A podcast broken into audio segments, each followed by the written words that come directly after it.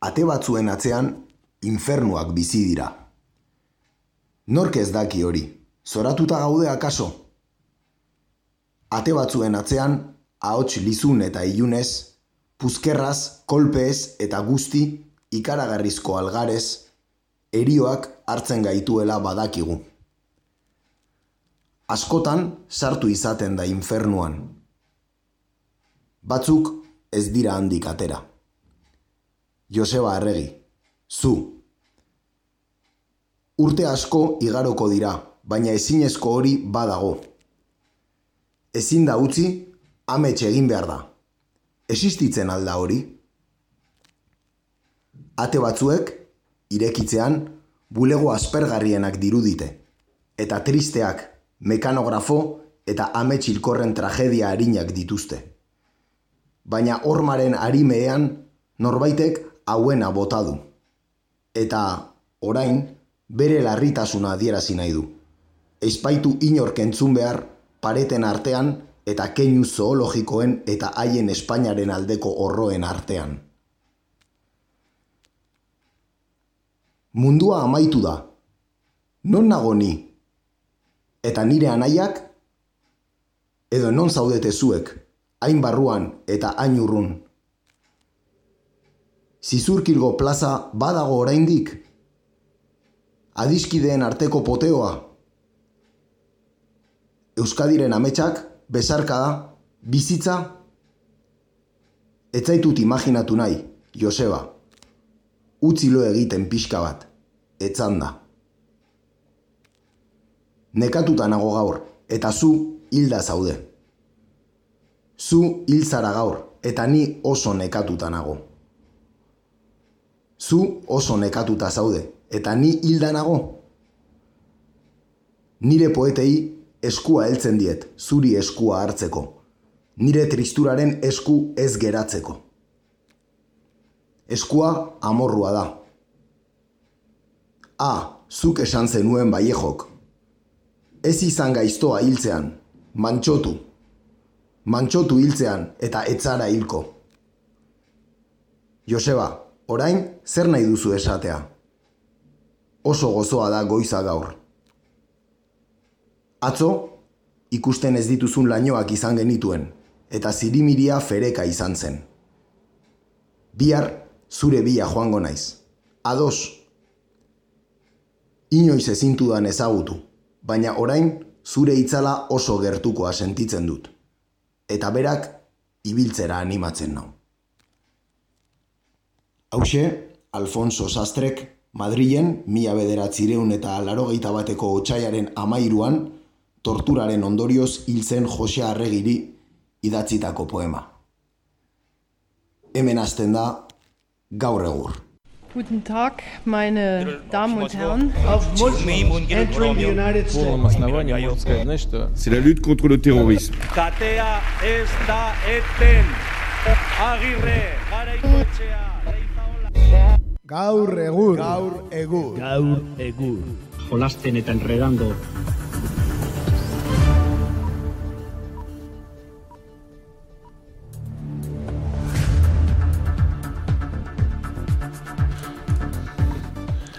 Arratxaldeon. Atxaldeon, bai. Arratxaldeon denori. Bueno, zuzen zuzenean, kakentzonako estudioetan, e, gaur e, inauterietako astelena, otxailaren ama bosta, 2008 bata, ia pandemiarekin urtebete egiteko hilabete baina gutxiago geratzegu, edo bueno, egido egin dugu igual pandemiarekin, ez? Konfinamendutik eh, izango hilabete geratzen dela, ez? Hori da, pandemiarekin bai egon bazegoelako, ez? Baina guk ez genekien, or, oraino ez genekien ezer. Hori da, gu agian pasar ere egin genuen, baina ez ginen enteratu. Bueno, gaur ere laugarren hanka falta zaigu, edo lau hankatako bat. Ez dakit... Oi, eh, ohitura bilakatu da. Bai, ala dirudi, e, ez dakit nun dagoen. Nik oraingoan ja ez dakit nun dagoen.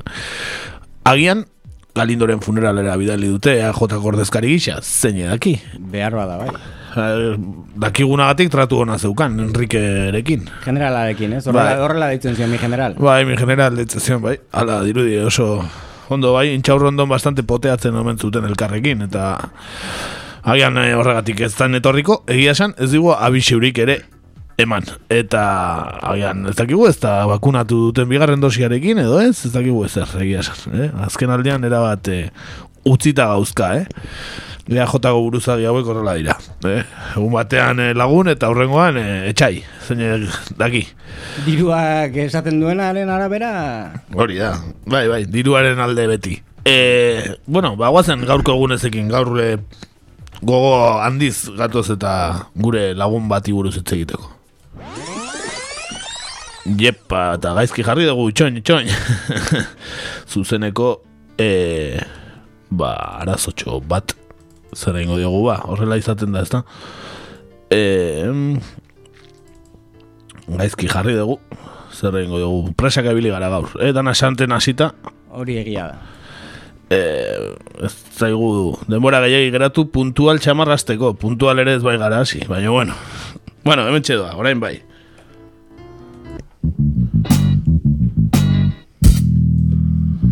Bertan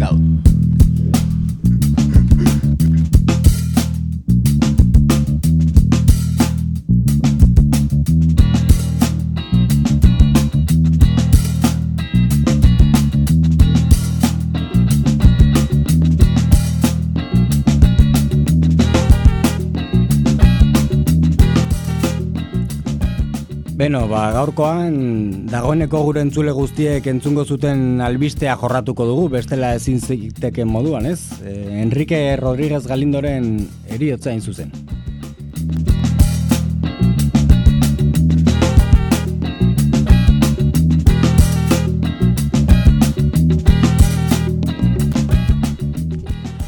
Otsaiaren bigarrenean jakintzen Zaragozako erietxe bateko zioan zegoela, COVID-19arekin kutsatua, eta larun batean hil zen, e, torturaren aurkako egunean, larogeita bi urte bete berri zituela.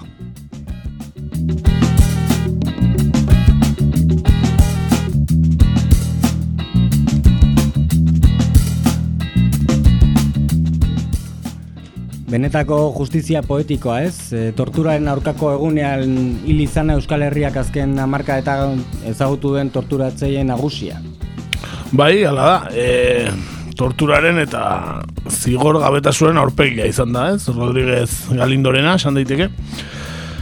Intxaurrondoko kuartelean, ba, buru zela, ba, bertan atxilotu emandako tratu ankerren gatik ere pasada historiara, adibidez, entzun dezagun Jon Arretxek e, ETV telebista katean emandako testigantza. Yo recuerdo mi paso por Inchaurrondo como un paso por el infierno. En mi caso concreto, eh, mi detención se produjo a la vez que Miquel Zabalza. Nos acusaban de pertenecer al mismo comando. Nos torturaron salvajemente. A mí nada más sacarme de casa, eh, la Guardia Civil me llevaron al monte, me envolvieron en unos sacos de plástico y me precintaron y me arrastraron hasta un río, que era donde me interrogaban. Entonces en el río eh, yo pensaba en un momento que me había muerto, tal era la asfixia, tal era el terror, que ellos me sacaban para que, para que pudiese coger aire y poder continuar con la tortura. Y en ese momento yo me di cuenta que alguien importante había entrado porque se movía de una forma especial y entonces me quitaron el cucurucho y enfrente tenía, bueno, como tengo ahora mismo en, te- en la televisión, enfrente tenía al señor Galindo. ¿Te dijo algo? Me dice, ¿Habló "¿Tú sabes-" contigo? Sí, me, sí, habló, hablamos, hablamos. Me dijo, ¿tú sabes quién soy yo? Y dije, sí, usted, usted es Galindo. Me dice, ¿qué pasa? ¿Que tu comando me andáis siguiendo? Y digo, no, hombre, yo le conozco por la prensa, porque usted es conocido. Entonces me agarró de los testículos, me los apretó y dijo, mira, tú aquí has venido a hablar, y si no hablas, te voy a apretar de los huevos hasta reventártelos. Me Esto- puso el cucurucho y se marchó. Esto, lo que me estás Así diciendo... conocí yo a Galindo en persona.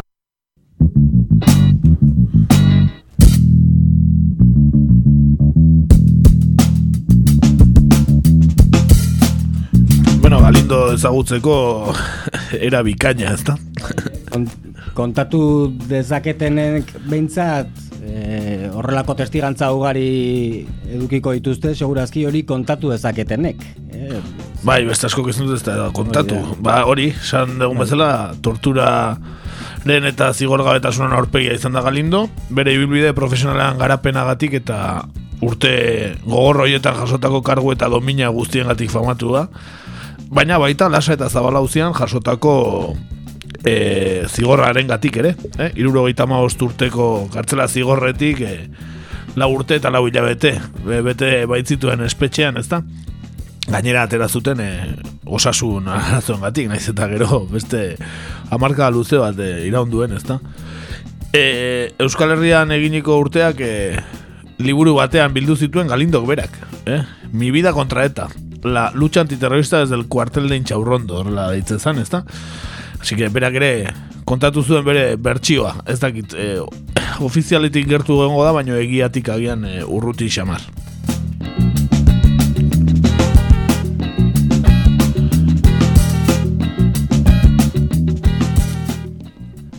Bueno, eh, aipatu nahi nuke, eh, osea, zeintzen Enrique, ez? Eh, sakondu dezagun pixka bat non jaio zen eta horrelako datu txiki baino esanguratsuetan. Bai, enungo uste duzu ezela. E, nik egia esan ez dakit. Euskaldun jatorriko ala, bizkaita aldeko familia zokan? E, ez dakit jatorria, baina hogeita maseiko gerra bukatu baino bila eta eskazlena hojaiezon Rodríguez Galindo Granadan. Mila behatzen da hogeita meretzean. Bere aitaren ibilbidea jarraituz sartu zen Guardia Zibil, beraz, e, Guardia Zibilaren semea zen, eh? beraz, e, familiatik zetorkion, eh? Alako zura, ba, eh? Olako espalda. E, mila batzen da laro gehian zen Euskal Herrira, Donostiako intxaurrondoko auzo, ba, intxaurrondo auzoko ez, Guardia Zibilaren kuartelera, iritzen bere egingo zuen kuartel famatura. Eta kuartelegako bigarren agintari nagusia zen, baina de facto, esan daiteke arena zela intxaurrondoko kuartela, ez da?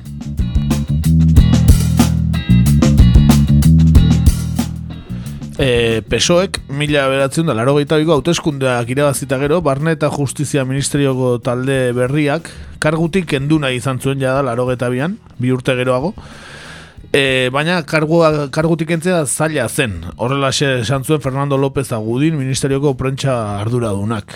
E, eta ari buruzko aditu nagusia zelako, eta sekulako babesa zeukalako Espainia osoan, ala ez dioen e, López Agudiniek.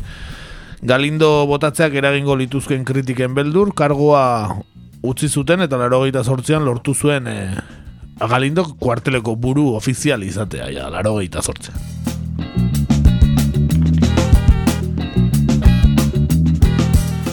Gero etorriko ziren domina pilaketak, laro gehiko amarkadan, eh? laro gehita batean ja guardia zilaren bereizgarri zuriko gurutzea eman zioten, baina gero irurte eta erdi geroago elduztzaion sari handiagoa, bereizgarri gorriko gurutzea guardia zibilarena. Mila atzen dela logeita lauan e, saritu zuen Felipe González, orduko gobernu buruak. Eta lasa eta zalaren baiketa tortura eta hilketak, hilketatik urte betera e, eta kolorea ezen dominaren bereizgarri bakarra. E, preziatua da gorria dirudienez, besteak beste, beste guz, bizi guztirako pentsioa ziurtatzen dielako. Bueno, ba, lau, lau aldiz eman zioten domina hori, galindori. Lehenengo aia, lasa eta zabalaren baiketak eta torturak eta hilketak gertatuta zeudela, naiz eta ofizialki bastante geroago jakin, ezta?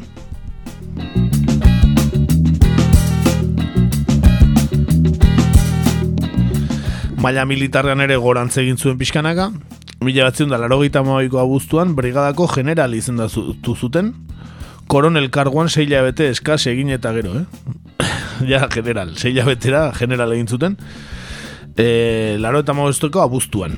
Etaren aurkako eroi bezala aurkeztu zuten, eta e, Guardia Zibilaren argitalpenetan ere, ba horrela irakursiteken, ez? E, etaren aurkako eroe bat, bezala, aur, aste hontan ere, edo aste hontan ere ikusi izan ditugu adierazpen batzuk horrela, ezta?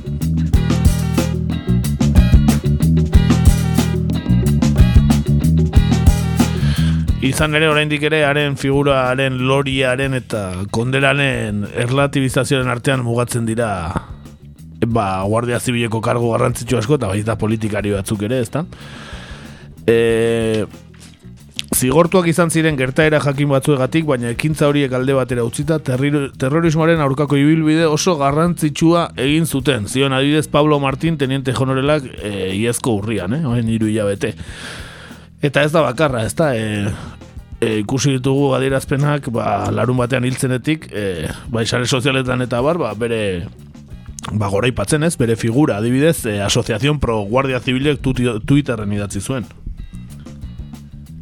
Lamentamos el fallecimiento de nuestro general Enrique Rodríguez Galindo. Miró de frente a ETA, la combatió y derrotó salvando así la vida a multitud de ciudadanos, guardias civiles y a sus familias. Hori, eh, bueno, Asociación Pro Guardia Civil, ez, ez gaitu harritzen. Ondorengoak ere ez gaitu gehiagi harrituko, Makarena Olona boxeko diputatuak eh, esan duena. Que la tierra te sea leve, mi general. Hoy, más que nunca, hinchaurrondo en nuestro corazón. Descansa en paz. Ba, badirudi bere menera zerbitzua egindakoa dela makarena olona, eh? bere generala omen. Bai, oso lenguaia ez, e, militarra eta nola bai solemnea erabiliz. Bai, e, Esan behar da, beste batzuk ere, bueno, pixkat, eh, harrigarriagoak egon direla. Adibidez, eh, Euskal Telebistako teleberrian, eh, jakintzen aniltzela, bueno, esan zuten, eh, etaren aurkako borrokaren eroe bat izan zela, eta abar, naiz eta esan zen, eh, bere alde ilunak eh, gailendu egin zuela, alde argia, ez da, bueno, pixkat, nahiko adierazpin, eh, bueno, harrigarriak bintzat, ETV denak, esan daiteke. Dudari gabe.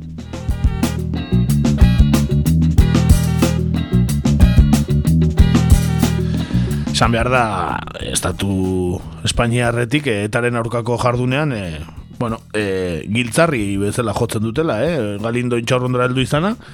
Beste beste etaren kontrako borroka modernizatu zuelako ez da, jakin behar modernizatu ditzorren atzean zer dagoen zehazki. Baina, bueno e, kalkulatzen da bederatzirun pertsona atxilotu zituztela arka ginduta beste beste torturatu izan zitezkeela ere kalkulatu daiteke.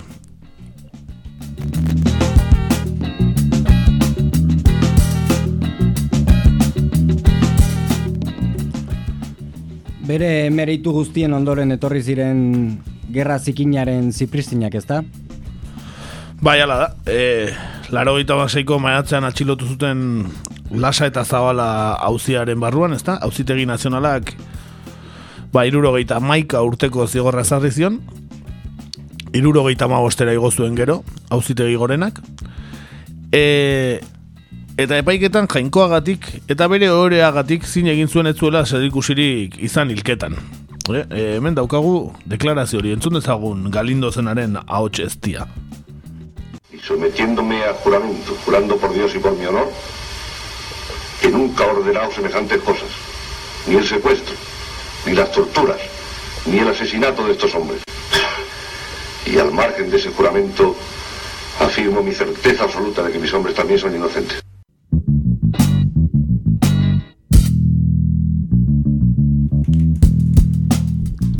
Bueno, benetan hau eh, radiofonikoa zeugan, eh? Erratirako egokia. Garbi, nahi doblatzaile bat iruditu zaitez, pelikula baten bai, bai. aktore bat bailitzan bezala. Bruce, Bruce Willisen hau txa, eh? Aktore paperak egiten base bielako, behar bada, ez? Bai, hori ere, bai. Bueno, esan zenidek indultua eskatu zutela, e, beralde, eta egun mila sinaduraren babesarekin azaldu zira auzitegi gara e, nazionalean, eh? Bere auzitegi gorenean, bere egunean. Hala ere, Rodríguez Galindo gilabete gutxira ba, espetxe utzi zuen, 2000 eta urriaren batean ba, gaixotasuna gatik. Eh? 2000 eta bosteko urtarrilean, urtarrilean irugarren gradua eman zioten, eta 2000 eta berriz, baldintzak peko askatusuna eman zioten jarrera ona zeukalako. Eta bergizarteratzearen aldeko pronostikoa egin ziolako zuerako espetxeko tratamentu batzordeak. Eh? Bidean karrera militarretik kanporatu zuten 2000 eta. Beraz, eh, gaixotasunagatik espetxetik kanpo atera eta ere, ba, ia ama urte luze egin ditu, eh, kalean. Historiara pasatzen nola berak, eh, esan dugun epaiketa honetan, esan zuen haiek bezalako sei gizonekin ego, ego Amerika osoa konkistatu zitekeen, ezta? E, esaldiaren tamainak eh, ematen du, eh? Galindoren neurria nolakoa zen, ezta? Epaitegi batean esateko, eh, gaina. Bai, bai, bai. Bile batzen da lareta meretziko abenduaren amaseian esan zuen epaiaren aurrean, eh? E, Enrique Rodríguez Galindok, akusatuen aurkian zegoela. Laro eta iruan e, Josi Zabala eta Josian Lasaren baiketak, torturak eta hilketa agintza egotzita ba, epaitu zutenean, ezta? Eta haie bezalako sei gizon esatean e, Enrique Dorado eta Felipe Bayo Guardia Zibil eta zari zen, e, haiei bota zizkin loreak, Eta, ba hori, e, bere ustez, e, Baio eta Dorado ezelako seiekin, e, Ego Amerika osoa konkistatuko luke galindoko zukeen bere gune.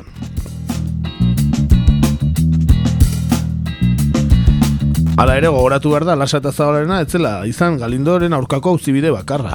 Eh? E, gal berdearekin, ez, Guardia Zibilaren adarreko galarekin lotura izateagatik ere inputatu zuten, baina 2002an kendu zioten inputazioa argudiatuta delitu konkreturik ezin zitzaiela leporatu, kasualidadea, ez dagoen probarik. E, eta erakunde armatuko kide izateren delitua ere ordurako preskribituta zegolako, eh? erakunde armatua gal, ez? E, ala ere, laro bederatzean ere, gogoratu behar da, Luis Navajas donostiako fiskalak droga trafikoarekin astu zuela Rodríguez Galindo, baina nola ez, e, ba, Navajas txosten famatura desagertu egintzen. Eh? Kasualidadea, inok ez dakize jartzen zuen, eh? galdu da. Bueno, hor ere, Rodríguez Galindo e, ba, tartean zegoen, baina artxibatuta geratu zen e, hauzia.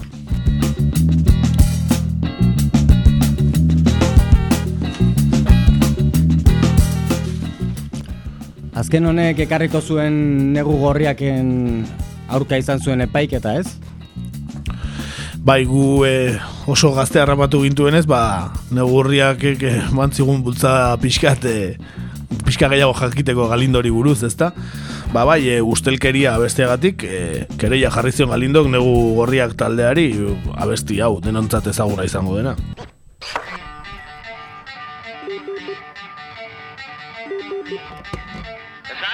Eh, que aquí enteratu erais!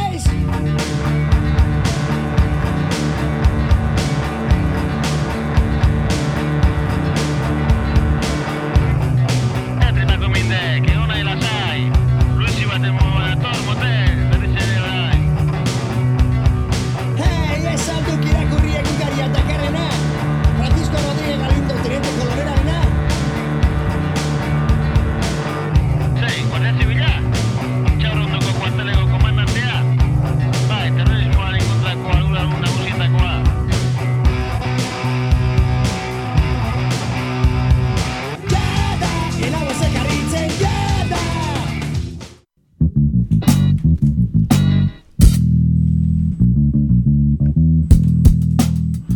Bueno, usto lentzungo genuke abesti osoa, baina, baina bestela asko luzatuko zaigu. Berando hasi gera gaine. Hori gaina behan duta fallo teknikoekin. E, bueno, laro eta mairuko maiatza zen, Espainiak aparatu antiterroristaren garrantzitsuenetzat jotzen zuten gizonetariko batek, ezta? Enrique Rodríguez Galindo koronelak, ba, negu gorriak taldea eta zigilu diskografikoa, ez? Esan ozenki zigilu diskografikoa ba, bere miran jarri zituena eta esan bezala ustelkeria kantu honen edukiagatik ba, auzitegitara joan zen, ezta?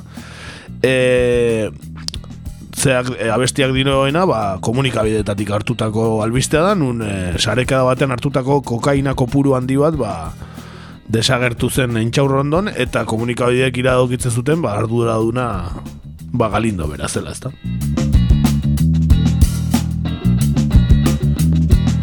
Hortxe hasi zen, adierazpen askatasunan aldeko borroka luzea, eraman zuena, enegu gorriak eta esan ozen kizigiluak. E, esan behar da, diktadura amaitu zenetik lehenengo aldia zela kantu bat auzitegitara eramaten zena. E, eta, bueno, ba, rabo txandia sortu zuen, eta, bueno, babes handia ere bai, ez da, ba, besteak beste historiarako geratu zen e, hitz egin festival ura, ez da, talde pilo batekin, euskal talde pilo batekin, eta mundu mailako talde ere babesa eman zietela negu gorriakei, ez da, e, garai hortan atera zuen e, ba, hitz egin abestia ere Bertol Bretxen hitz negu gorriakek. Hitz egin! Ateraz penas kantasuna arengatik, hitz egin!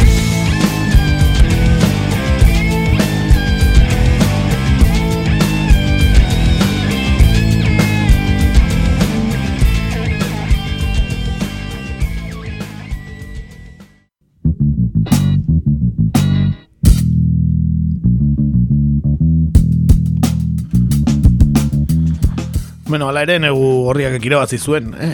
Garzurra bat ere, negu gorriak irabazi zuen epaiketa. E, bueno, gaizki planteatuta omen zegoen eta Rodríguez Galindoren demanda. E, besteak beste, ba, kantua osatzen lagundu zuen John Maia inputatuta zegoen, baino beste autoreetakoan Mikel Campos ez. Beraz, horrek eskubiak urratzen zituen, e, erantzuna arazteko aukerarik ez baizuen Mikel Camposek, baina zigorra ezarri ezkero, e, zigorra bai. Orduan, ba, e, orduako Miguel Castells zen e, negu gorriaken abokatua, bentsa. Eh? Orain non dago, zeinen abokatua? ez dakit, ez dakit. Baina, hola, pertsonaia korruptoren baten abokatua da gaur egun uste dut, eh? Ez dakit, baina Miguel Castells berbera, zen negu gorriaken e, abokatua eta bueno, amairu arrazoi aurkeztu zituen bertan bera geratzeko eta azkenean ba, bertan bera geratu zen e, epaiketa.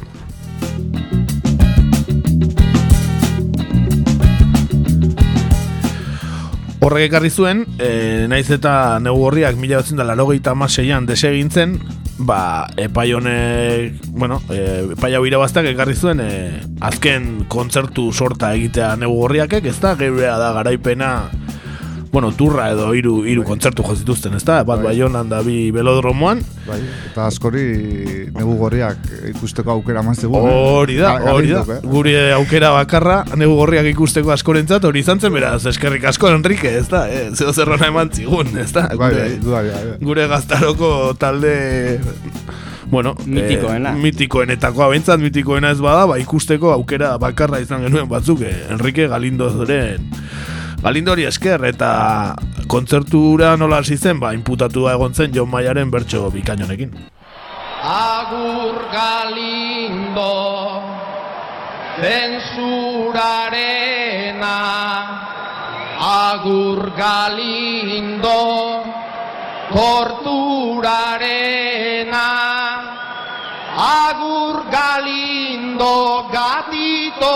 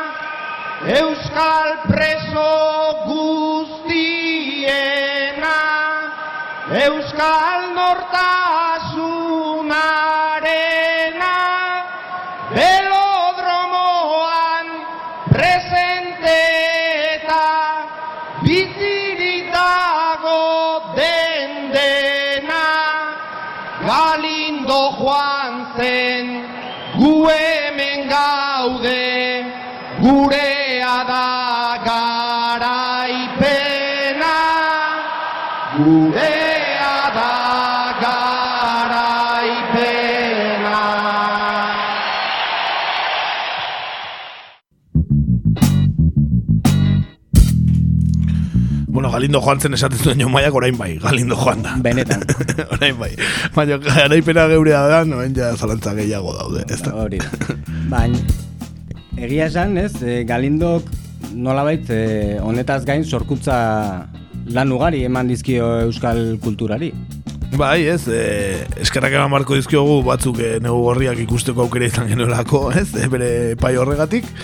Baina baita, ba, beste egile batzuk egin dituzten abesti, liburu eta bertso eta abarren gatik ere, ez da, azkenean e, sorkuntzarako ere asko balio izan duen e, pertsonaia izan da, ez, galindo. Adibide gisa, ba, nola ez, e, danok entzun dugun gozate giren abestia, ez da. Alkate, pakete, alkakauete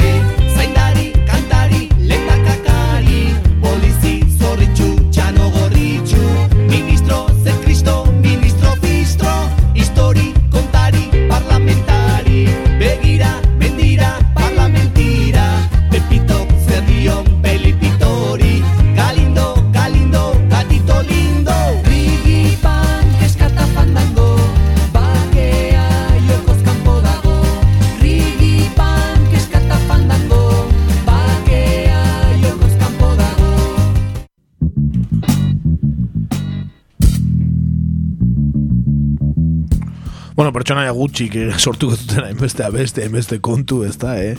Gutxitan egingo du bertan gaur atal bat hain musikala eta ez hainbeste gauzarekin. E, beste lagin bat ekarri du, amatxar zaiusei 2008ko bertso txapelketan botatako hiru bertsoetako bat, e, benetan e, agian e, txapelketa edo final hartako bertxori gogoan garrienak.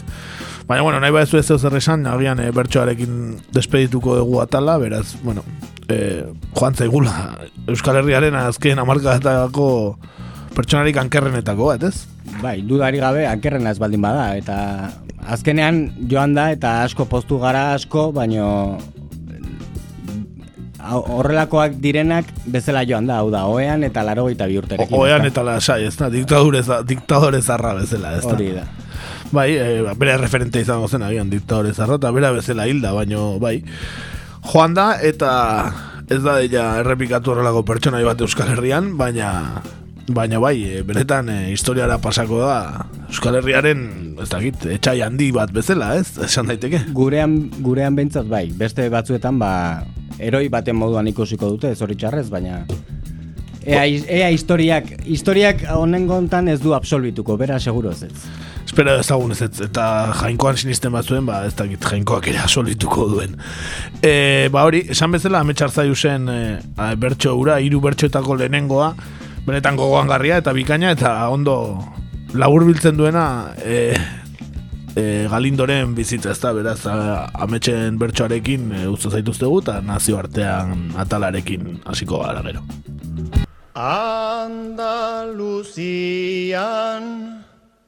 sortu nintzen ta Rodriguez iru abizen.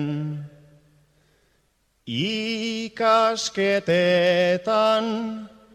nola eneukan aski argita aski zen Ogei urte eta anasi nintzen, benemerita zerbitzen, trafikoari paso emanta, goizetik gau izerditzen. Ta azkenean donostiako kuartelera eldu nintzen. Eta ordutik lana egin dut intxaurrondoak astintzen. Intxaurrondoak astintzen.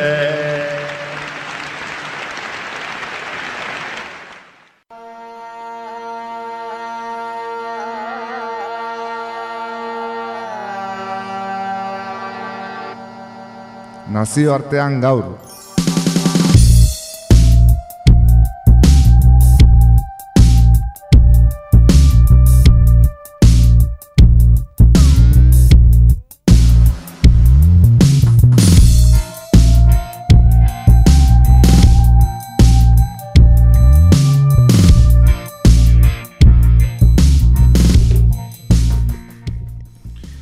Joan den otsailaren batean jaso genuen berria.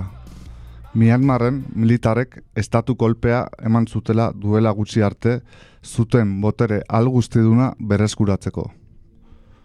Munduko herrialde bakanetarikoa da Myanmar, Birmania bezala ere ezagutzen duguna. Egun, junta militar bate gobernatzen duena. Mali eta Sudan dira beste bikazu, adibide modura.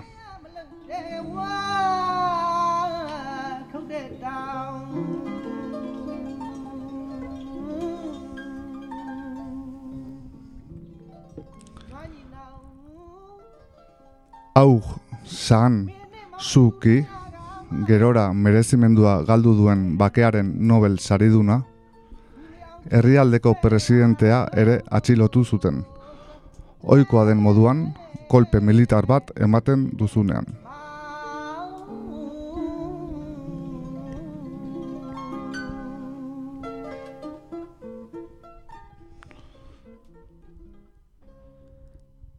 Eta esan, ba, oharkabean pasatzen den herrialdea da Myanmar orokorrean, horrelako notiziek edo eta genozidioaren batek gogora ekartzen ez digun bitartean. Labur labur, ze esan genezake herrialdearen inguruan? Bai, ba, bueno, e, Asiako ego egia ekialdean kokatzen da, ez? Indotxina deritzogun eskualde hortan, eta munduko herrialde hermetikoenetako bada, ez? Oso ba, itxia da, bere politikan, kulturan eta bar. Eta, bueno, naiz eta Txina, Bangladesh, Tailandia, Laos eta Indiarekin muga egiten duen, ez? Hau da, frontera pila bat dauzka. Baina... Eta batzu potentzia handia, gainera. Pot hori da. Bai, bere alde dauden potentzia handiak gainera, ez? Baina e, hizkuntza eta anistasun handia dauka, e, naiz eta itxia egon, eta berrogeita malau milioi pertsona bizi dira bertan, ez? Espainiak baino gehiago. Bai, nik uste nuen asko herrialde txikigoa zala, egia esan, ez? Baina, ez? Izatez, e, territorialki ez dakiz ama kilometro karratu dauzkan, baino eh, hain txikia ere ez da. Nahiko Indotxina eskualdean badu bere okupazio tartea, ez? Bai, eta jakinta gainera, ze demografia tasak izaten diren, ez dugu, inguru haietan. Ba.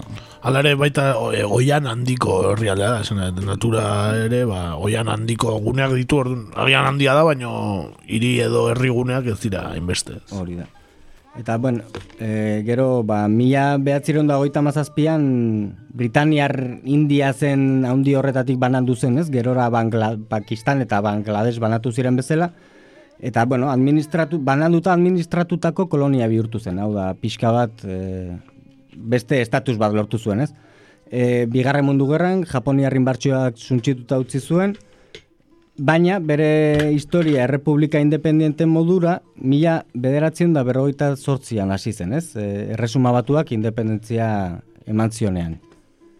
Eta, bueno, esan ba, hasiera hasieratik, ez? Gatazka nagauzitu zela bertan, e, gauza askoren artean jatorri anitzeko, etniko anitzeko herrialdea delako, ez? Diogun moduan. Eta, bueno, e, independentziarekin hasi zen, gerra zibil bat, batzuk oraino e, bukatutzat ematen ez dutena, ez? E, eta nola bait, ba, bueno, hori batuta militarren etengabeko gobernu bat izan dutela, ordutik onaino iaia, ez?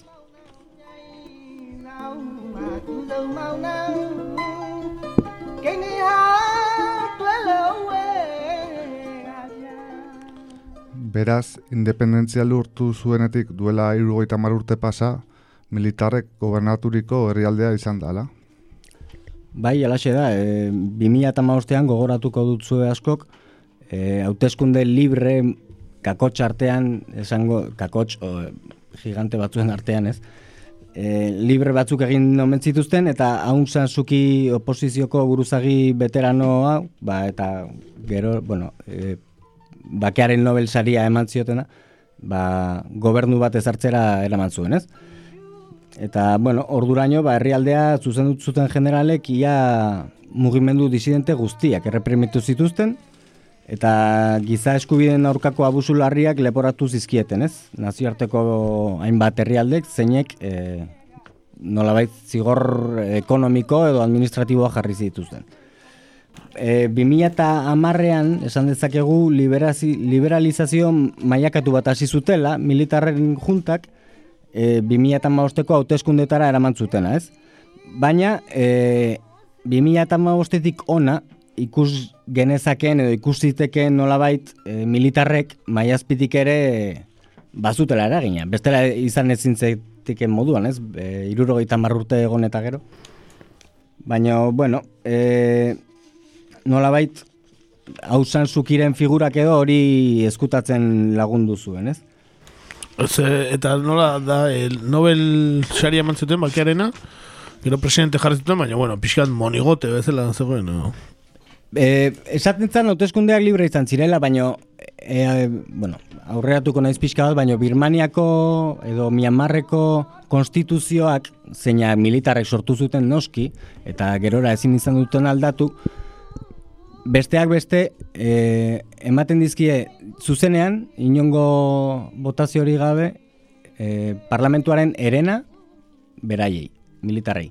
Gehi e, hiru ministeritza nagusi, defentsa eta beste bi, ez da ez du ez dauketatua gainean, baina oso ba, azkenean kontrol guztizkoa albidetzen dituztenak, ez?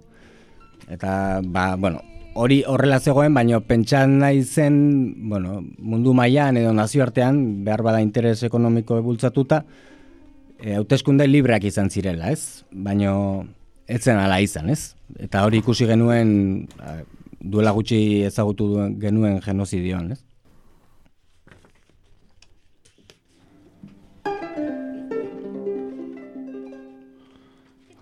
Rohaingien kontrako genozidioa zari zara?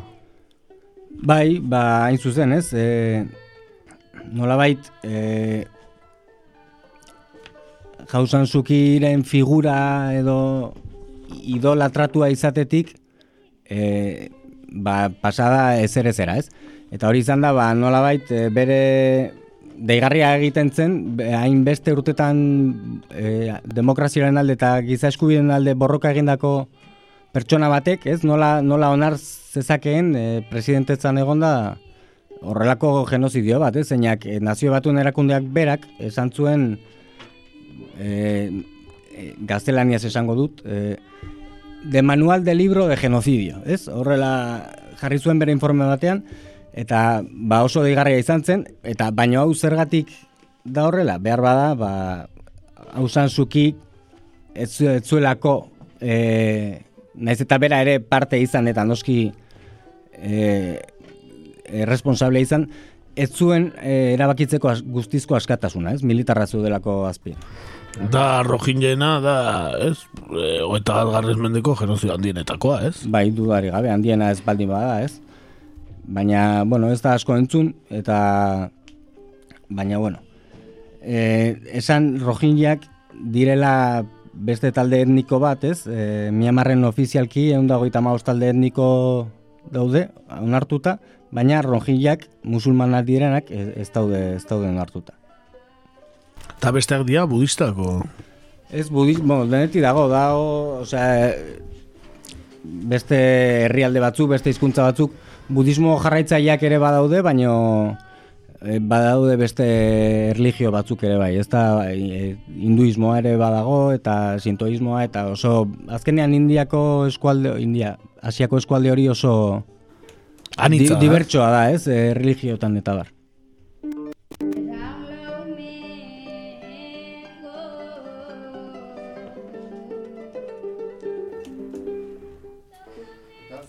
Zen egoretan dago egun herrialdea?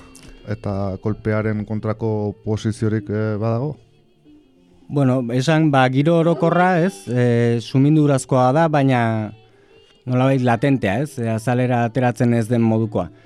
E, ekintzaiek de, desobedientzia zibileako deia egin zuten, eta ikusi izan dugun moduan, ba, ospitaletako mediku askok lan egiteari utzi diote, ez, orain han ere COVID e, pandemia badago, naiz eta oso hermetikoa izan, egon badago noski. Eta, bueno, erronka keinu simbolikoen simbolikoekin borroka egitea erabaki zuten, ez? E, ala, ala, lazo gorri edo beltzekin edo beste beste hainbat simboloekin bezala, ez? Eta interneten adibidez askok ba sare sozialetako profileko argazkiak aldatu zituzten eta horrelako txikikeriak de nola baita esatearen. Hogeita bat garren mendeko militantzia, ez? Hori da, hori da. Eta bueno, e, baino hortaz gain gauza gutxi, ez? Hori manifestazioren bat edo beste, baino jendeak seguraski beldurra izango du, ez? Irurogeita urte eta gero berriro ikusita zer datorren.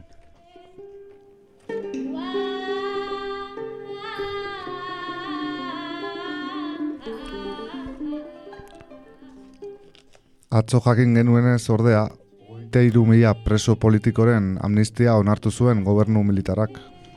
Bueno, hori izan daiteke zilegia ez den gobernu batek egingo lukeen lehen gauza, ba, zilegitasun hori merezi duela zabaltzea izango da. Bai, esaten zenuen eh, ez oposizioari badagonda beldurra egongo dala, hogeita iru mila preso politiko baldin badaude beldurra egongo da. Ez da, beharko du. Edo, edo bestela denak kartzelan daude, ez? Ezakit oposizioan unengo den bestela, ez? Lurrazpian igual. Behar bada bai. Ez, ba, nik hori estrategia moduan ikusten du gehiago, ez? E, eta nolabait eurek argitaratu dutenaren kontra, nolabait. Baina entzun dezagun ze, ze esaten duten Birmaniako militarrek. estatuko administrazioko kontseiluak espetxeetako eta zelaietako hogeta irumila irureun da amalau presoren zigorra konmutatu du. Estatu demokratiko berri bat ezartzen ari gara. Bakea, garapena eta disiplina izango dituena. Presoak herritar zintzo bihurtzeko, jendeari atsegin emateko eta oinarri humanitario eta erruki horrak sortzeko, haze, eh? Benetako diskurtsoa, eh? Motibo oso handiak, ez? Baina, bueno, ba, horrela, horrela zabaltzen dute euren mezua, eta ohiko erretorika, ez? Bestalde esan, ba, atxiloketek orain jarraitzen dutela, eta atxilotutako hogeita mila pertsona hauek, al, osea, ez dituztela orain atxilotu edo oraingoak ez direla, baizik eta kolpea jo baino lehenagokoak, ezta? Orain, hori agian berriro atxilotuko dituztela ditako batzuk, ez? Segurazki bai, eta ez dute notizirik emango horren inguruan, ez da agiririk kanporatuko, ezta? Baina horrelakoa da, militarren junta batek erabiltzen duen gobernua, bakizue. Bai, kuriosoa da bere hitzetan ez, bakea eta garapena dute, baina disiplina ere, bai, ez oso militarra. Ba, oso disiplina, eh, eta noski, noski, hori...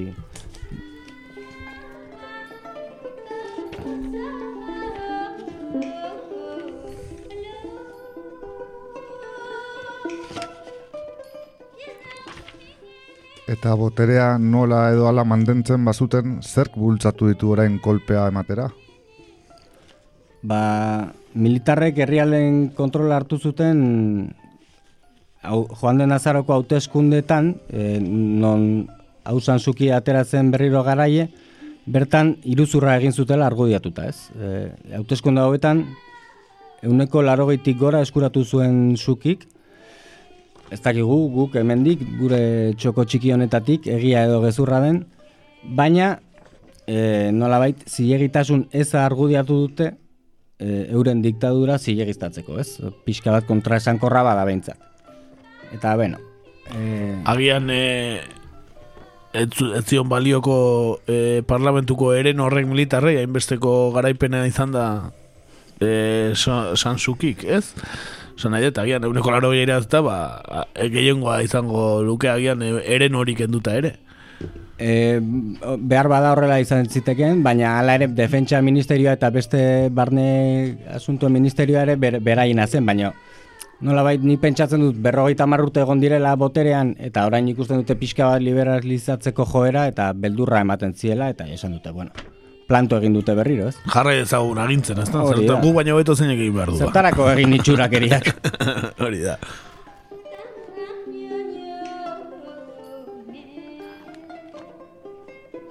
Eta, bueno, esan militarrek esan dute larrialde egoerak gutxienez urtebete irango duela, ez? Osea, horrela iritsi dira boterera.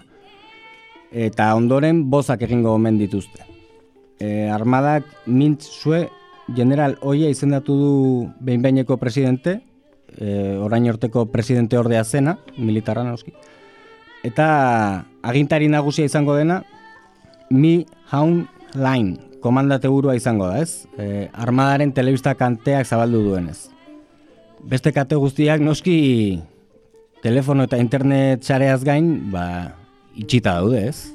Beraz, beraien, telea, beraien telebista garri dago martxan, ez? Militarrena. Hori da, ba, diktadura batean egin behar duzun lehenengo gauza da, ez? Zu- Zure telebista batea, bak, katea bakarrik ezarri, beste oposizioko alderdiak debekatu eta aurrera. Seguruen fantasia handiko katea izango da, telebista kate hori. Dudari gabe. Ia esan, eh, oso birala intzan, eh, ezakite ikusi zen duten, eh, neska bat eh, aerobika egiten grabatzen, eh, atzean eh, kotxe guztiak estatu kolpea jotzera zijoatzen bitartean, bastante birala intzen sare sozialetan, zati tipa gaino etzan muiturein, ez da youtuberren bat edo da bere aerobik klasea ematen jarraitzen zuen, eh, irakasten, eh, zirudienez, eh, bere kursuak ematen, eta bar, eh, bastante birala intzen, ez, golpa estatu eman bitarten, ba, aerobika egiten beste lasai-lasai.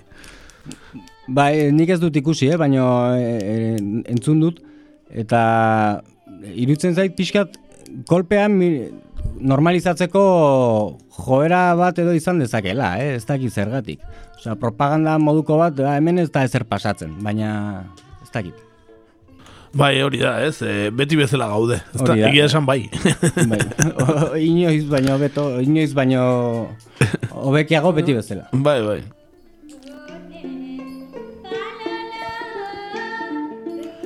Zertarako aldatu eta gainera inguruko potentziak ez badaude kontra, ez da, ba, eta gizartea mobilizatzeko almen gutxi baldin badago, ez da, ba, ba berdin jarraitu. Bai, esan txinak e, bere, osea, Birmaniaren alde agertu dela, eta ba, horrekin nahikoa duela, ezta? Eta, bueno, e, bukatzeko esan, ba, fraudetzat jotzituzten hauteskunde haiek, azaroko hauteskunde haiek, e, demokrazia edo libertatean egindako bigarrenak zirela, ez? Eta, ba, tira, ba, ez, krudelkeria eta ankertasunaz gain, ba, pazientzia eza ere txiki genieke militarra hoi, ezta? Militarra pazientzia handikoak direnean, eh? baina, bueno. Hori beti, disiplina eta pazientzia, hori dira bere beraien bertuteak. Bueno, ikusten da hemen eta Txinan edo Niarmarren militarrak militar direla mundu osoan, ez da? Hori horrela izaten jarraituko du. Betira. Ja, galindo hilda edo ez. Bai, hori da, bertako galindoak ere hiltzen direnean jarraituko dute, militarrak militar izaten, ez da?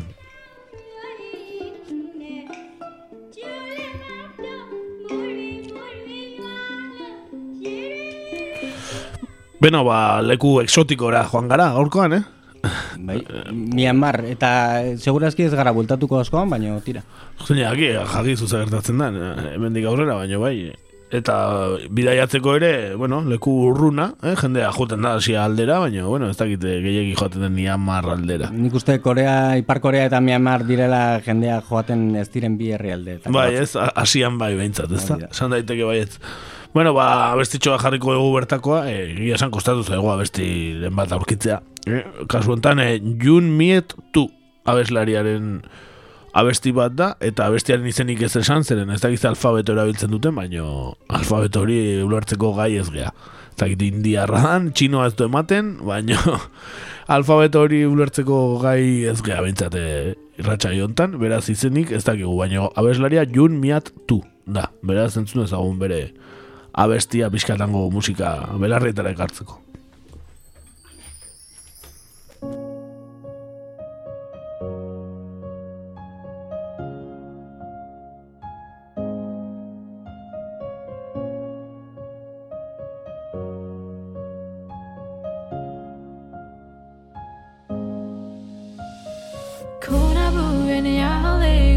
တတလို့ရှိတမ်းမှုရှိတဲ့အရင်ကနေရလေရသည်ရေဘလို့ကူပြောင်းစေအိုမင်းများပဲတစ်ချိန်ကနေရလေနင်းနာရှိတဲ့ပြန်တန်တလို့ရှိသူပေါက်ခဲ့တဲ့လမ်းတွေသူမက်ခဲ့တဲ့အိမ်မှာ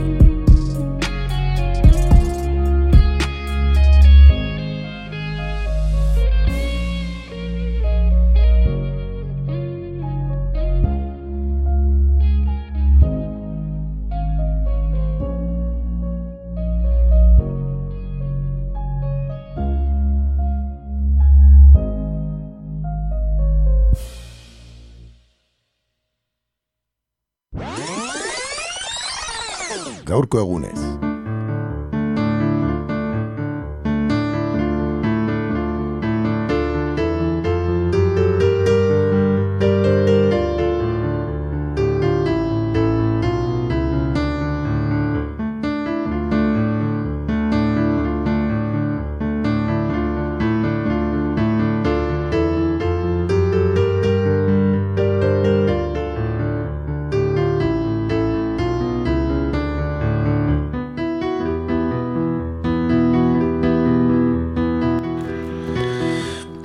gaurko atalean e, Euskal Herrian geratuko gara. Euskal Herria eman duen beste pertsona e, ade, ezagun bat gaurkoan gainera emakumea. E, Dolores Ibarruri eh? la, paso, la pasionaria bezala ezaguna Espainiako alderdi komunistako agintaria ezta? Eta ba, bere erretratu egiten saiatuko gara bere etxai eta jarraitzaileek egiten dituzten ba, gorazarre edo de abrutzetik aldenduz.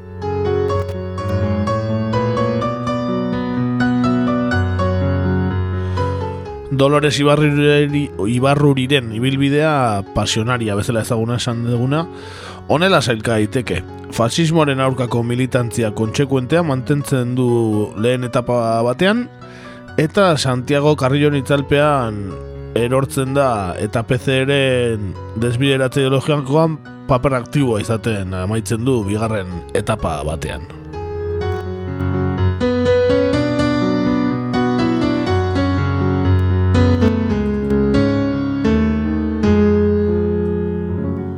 En un infierno fascista ahoguen en sangre las libertades populares, dispuestos a luchar hasta agotar el último cartucho, dispuestos a defender las libertades populares, marchamos decididos a no terminar la lucha hasta batir el enemigo. Pueblo de España en pie, mujeres, defended la vida de vuestros hijos, defended la libertad de vuestros hombres. Todos los sacrificios imaginables antes que consentir que triunfen las fuerzas que representan un pasado de opresión, un pasado de tiranía. Todos contra la reacción, todos contra el fascismo. Un solo frente, una sola unión, hombro con hombro, unidos todos hasta acabar con el enemigo. Abajo los generales faciosos, abajo los elementos contrarrevolucionarios. Vivan las bravas milicias populares.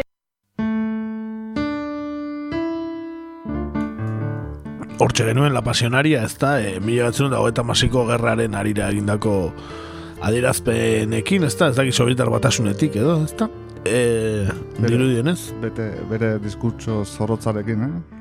Bai, hori da, eta e, emakumea aldarri egiten e, defendatu ditzala eskubiak emakumeak, ez da? E, benetan iraultzaia gara hartarako esan daiteke.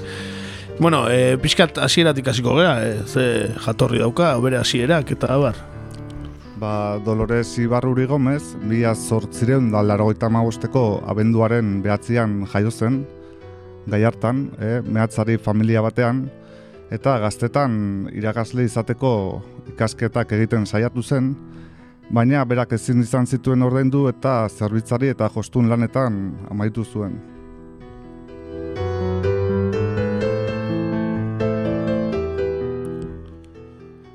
Ba, pixka geroago, Julian Ruiz Gabinarekin ezkondu zen, bere lehen senarra izango zena, e, mehatzearia zen bera, eta PSOE alderdiko militante aktiboa. E, Dolores Ibaruri politikan interesatzen hasi zen garai hartan, eta pentsamendu marxistan e, bere burua ez den hasten da, ez? E, ba, bere herriko Casa del Pueblon, ba, teoria liburuak irakurriz, horien artean ba, Karl Marxen e, kapitala eta beste hainbat liburu ez. Ondoren, ba, bere senarrarekin batera, e, Ibarurik, bia bederatzen da mazazpiko greba orokorrean parte hartuko du, eta e, gobernuak Espainia osoan e, gerra egoera deklaratu du greba horren ondorioz ez.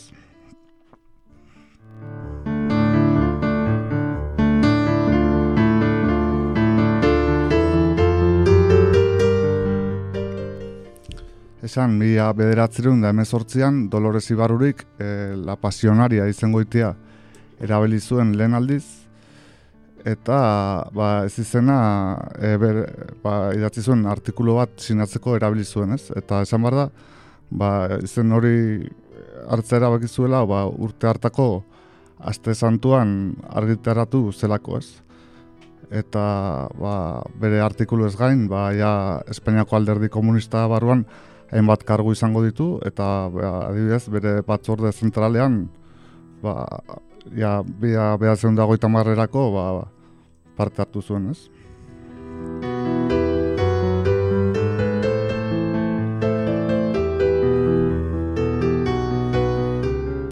Eta pizka bat eh, bere bizitza pertsonalari dagokionez, ba, esan e, pasionariak sei seme alaba izan zituela, Ester, e, Ruben, e, Ruben hau Stalinagradon borrokan hil zen, e, gero Amagoia, Azuzena eta Amaia, hauek e, irukiak ziren, eta e, jaio eta gutxira hil, ziren, ez, iruki haiek, ez. Eta gero beste bat, alaba bat izan zuen Eba, eta ura ere hiru hilabeterekin hil zen, ez. Osea, bai, Garai haietan, eh? bai, pizka gogorra. Bai, gogorra eta irukiak izateko, eh? Eta denak hil zitzaizkion, ez? Eta e, pizka bat, e, ez? Kokatzeko zegoera latzetan bizi zen gara hartan, eh?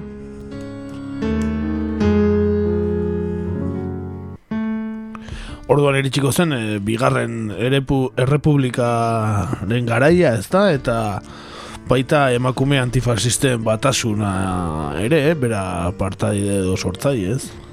Hori da, ez? Ba, esan, e, mila bedatzen da hogeita maikako apiriaren amalauan Espainiako bigarren errepublika aldarrikatu zela, e, pasionariak e, Euskaditik e, Madriera joan zen, e, mundu obrerorentzat lan egitera, e, mundu obrero Ungariarentzat, errepublikako lehen hilabetetan, ez? Eta behin behineko gobernu ura zegoela, ez? Errepublikako gobernua ura zegoela, ez?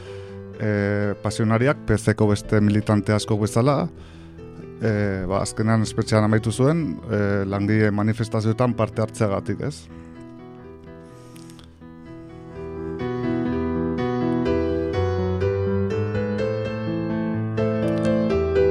Esan, esan ondoren, ba, e, el bilenio de izquierdas edo e, ezkerreko bi urteko garaian askatu zutela pasionaria, eta ondoren mila behatzen dagoita mabian berriz ere kartzelara sartu zuten ez.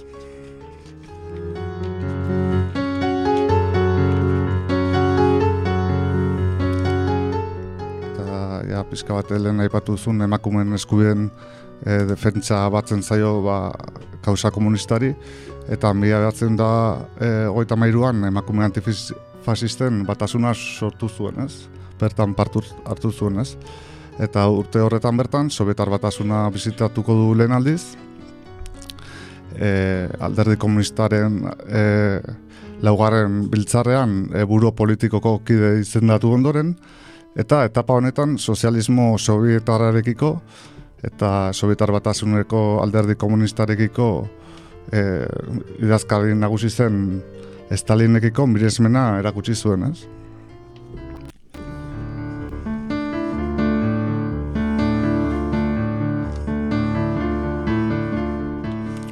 Esan, e, mila behatzen dago eta malauko urriko iraultzan, ba, e, bilenio izquierda, edo ezkerreko bi urtekoaren, bi urtekoarek aplikatutako erreforma aurrerakoiak geldierazten zituzten neurriak salatzeko, e, e, alderdi komunistak Asturiasko mehatzearen alde jarri zen, alderdi komunistarekin batera, eta protestartan atxilotutako presioak askatu, askatzeko eskatu zuen pasionariak, ez?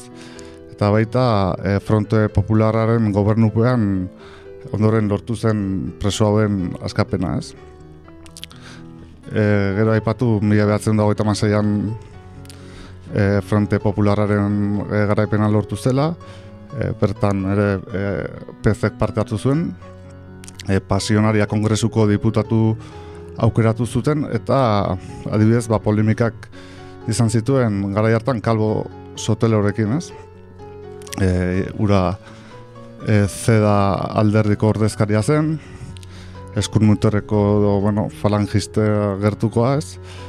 Eta adibidez, e, e, Kalbo Soteloren alderdia Europar fasismotik gertu zegoen, eta e, bere buruzagia e, Gil Robles, adibidez, mila behatzen da hogeita mairuan munitzen izazen nazien kongresu batean, ez?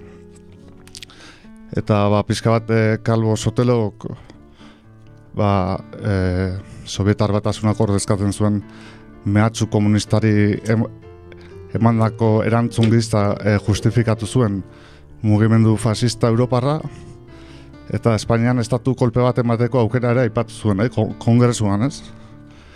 E, nola Frente Populara gobernuak suposatzen zuen ba, anarkiari erantzun behar zitzaiola esan ez, ez? Bueno, bazekien zartzetorren orduan pixka bat, ez? Bai, bai, bai, bai. Eta Ez ondoren... zuen ikusi ordea. e, gero pixka bat geranduago Kalbo, Kalbo Sotelo e, pesoko militante zen Jose Castillo izeneko eta salto guardia bateko baten hilketari erantzunez hil eta gutxira ba, republikaren aurkako estatu kolpe eta gerra zebila gertatu zen, ez? Eta ba, e, Kalbo Sotelo nola ez, bera hil zuten, ez? Eta as, asko esaten dute, ba, ba, bueno, e, eragietako bat, ez? Estatu golpea eragin zuen gatazketako bat hau izan zela, ez? Kalbo Soteloren eriotza, ez?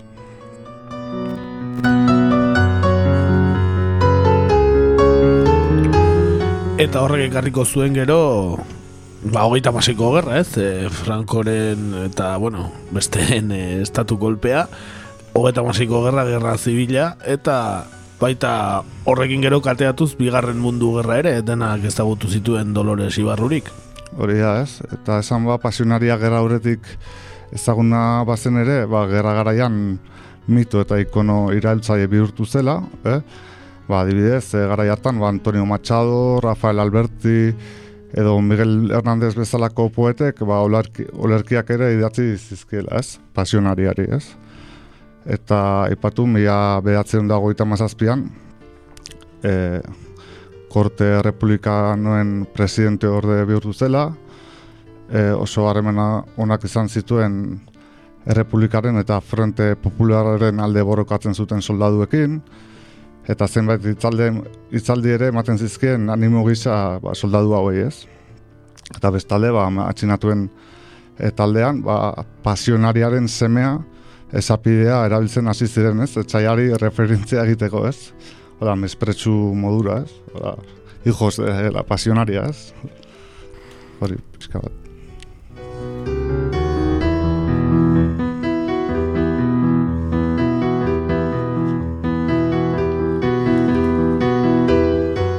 Horretorriko zen hogeita mezortziko azaroan nazioarteko brigadei zuzendu zien diskurtsoa, ez? Hori da.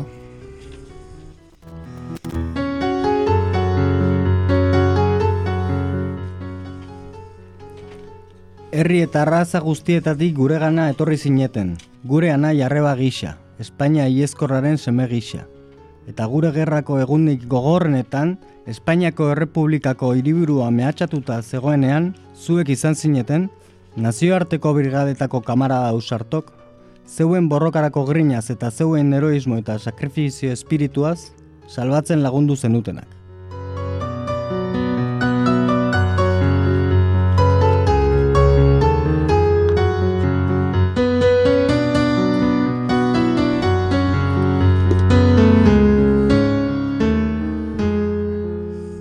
bai ez, e, fiskal kontestu horretan ez, e, adibidez, e, mila behatzen dago eta meretziko martxoan, Segismundo Casado ko- koronelaren estatu golpea gertatu zen, eta Madriliria Frankoren tropei eman zien ez. Eta adibidez, e, Juan Negrin presidentearen eta Madrilgo zen- zeneteren politiken aurkako pesoren sektore baten laguntzare izan zuten, eh?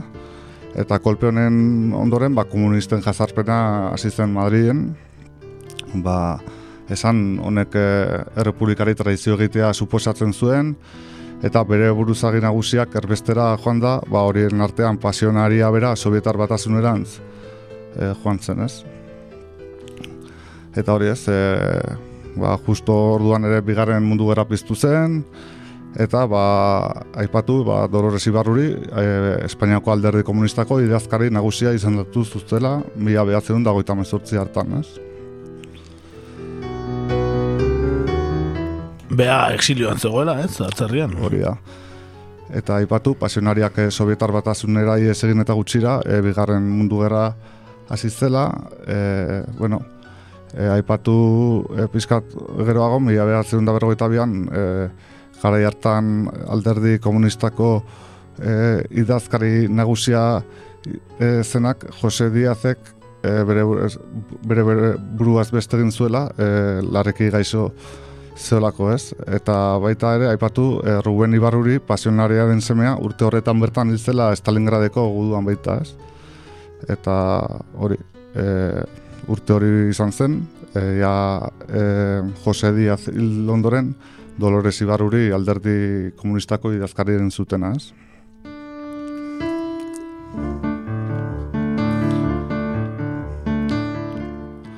Eta, bueno, e, esan daiteke baita ere, pixka bat garaia harretan, azten dela, bueno, batzuk aipatzen duten pasionariaren ere aro ez? Zatik, eh, Santiago Carrioren itzalpean jarri zen, e, e, naiz eta normalean Santiago Carriori leporatzen zaio e, pezeren suntzitzaia izatea, eta adibidez eh, marxismo-leninismotik eurokomunismora bere salto ideologikoa eragitea, ez? Ba, pasionariatik e, irudi atseginagoa, ez? Izan dugun bitartean, ez? Ba, azken lider handia izan balitz bezala, ez? Eta errealitate historikoak erakusten digu, ba, Dolores Ibarruri bat, Santiago Carriorekin modu aktibo edo pasiboan ba, lerratu zena, ez? Eta alderdi komunistako ba, komunisten jazarpenean ere parte hartu zuen, ez? Eta adibidez, mila behatzen da, berrogeita masian ere ba, ondoren aipatuko dugun adizkidetzen nazionalaren bidean e, ba, parte hartu zuen ez.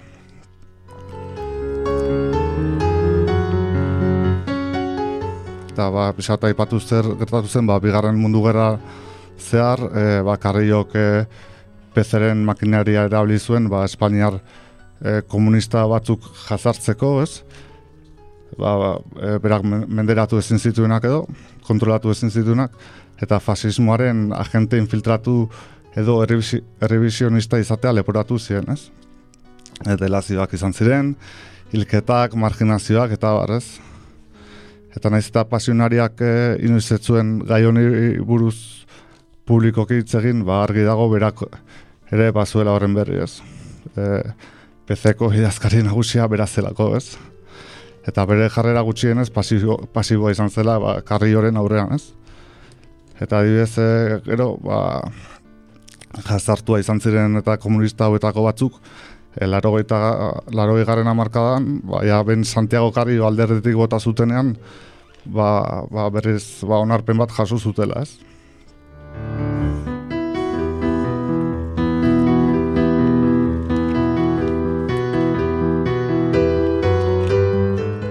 Aipatu duzu adizki, adizkidetzen nazionalaren politika hori, ez da, PC geramatzuena edo, eta baita Sovietar Batasuneko alderdi komunistaren hoi garren kongresua eta hori dana ere ondoren etorri ziren. Bai, ba, adizkidetzen nazionaleko e, planura edo politika hura izan zen, ba, itzu gutxitan, ba, frankismora gerturatzea, ez? Errenditzea, agian, ez? Ja, gerturatzea, eta erregiminaren e, ba, zerrikituak erabiltzea, ba, beraien eraginera sortzeko ez, ba, sindikatu vertikalean eta, eta beste hainbat arlotan ez. Eta hori ez, aipatu ba, bigarren mundu gerraren ondoren, ba, pasionaria Frantzian biziko da, denboraldi batez, ba, bai Toulouseen eta Parisen, ez, eta, bueno, aipatu ja, mila behatzen da berroita mairuan, Stalin hil zela, eta pasionaria, ba, bere hietan izan zela, Euskaldun gutxienetako izango zen eta hartan egon zenaz. Estalinen bigote azken aldiz ikusi zuen eh, Euskaldun bakarrenetako, ez Bai, eta, bueno, handik gutxira, egun bezala, Nikita Khrushchev e, Sovietar batasuneko e, buruzagi berri bezala izendatu zuten, ez? E, aipatu, bila behatzen da berrogeita maseian, Sovietar batasuneko e, alderdi komunistaren hogei garen kongresua egin zela, e, eta bloke sozialista eta kapitalistaren arteko koexistentzia baketsuaren politika gauzatu zela, ez? Eta ba, Stalinen irudiari kritika gogorrak egin zizkioten, eta baraz. Eta horrekin bat etorriz, e, PZek e, oraindik e, pasionaria idazkari nagusi izanik, e, adizkiditzen nazionalaren politika hartu zuen. E, ba, Espainiako gerra zibilan, irabazleen eta galtzaien arteko bakea sustatzeko, sistema demokratiko bat lortzeko, eta klasen arteko bake honekin, pezek ba, bere izaera iraultzaia alde batera utzi zuen, ez? Baita pixka doinarria jarri zituen e, bi Espainien arteko borroka izan zen hori, ez? Anaien arteko gerra eta borrerako faltsukeriak, ez? Bai, bai, bai, hori da. Adibidez, ba, Espainiako bandera onartzea eta izan ziren, ez? Eta ondoren, ba, erregea eta monarkia bera onartzea eta barraz. Eta ba, adibidez, eh, esan adizkidetze politika hau sustatzeko, Santiago Carrio berak, eh, keinu bezala, ba, bere aita Uenceslarokin bildu zela, ez? Eta, ba, honekin, ga, e, nahi zuen pizka bat irudikatu, ba, nora bere aita estatu golpearen aldeko izan zen, ba, e, adizkidetze bat bezala, ez? Irudikatu nahi zuen, ez? Dana familian geratzen da, ez? Hori da, eta hori guztia e, PC-ko idazkari nagusiaren e, pasionariaren e, berri diot, berriro diot alderdi honek Santiago Carri horekiko desbidiratze ideologikoaren erantzunkizun osoa pertsonalatu hori zaiolako ez, eta hori garrantzitsua izan bazen ere, ba, zen Santiago Carri bakarra izan, eh? Bai, ez zuela bea bakarrik eh, agintzen, ez da?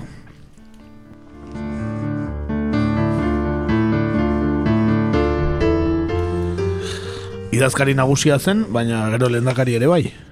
Hori da, e, bi da irurogeian, ja, ba, pasionariak e, PC-ko idazkari nagusi izateari utzi zion, eta Santiago Carriok e, orez, orezko kargua tasmatu zuen, ez? E, PC-ko presidentea, izatea, ez? Eta hil arte beteko zuen kargu hori, ez? E, pasionariak, ez? Eta guzti hau izan zen, ba, Carrioren maniobra bat, ez? Esan daiteke, e, ba, pasionariaren mituaren itzalpean egoteko ez. Eta harreta galtzeko, nola ez? Eta karriok adibidez, ba, pezeren historiari buruzko saiak ere bat idazteko agindu zion, ez? E, pasionariari ez. Ba, Denbora galtzezan. Hori da, pixka bat entretenituta egoteko ez. Bera gaterkipean e, beste batzuk egiten zituen bitartean, ez da?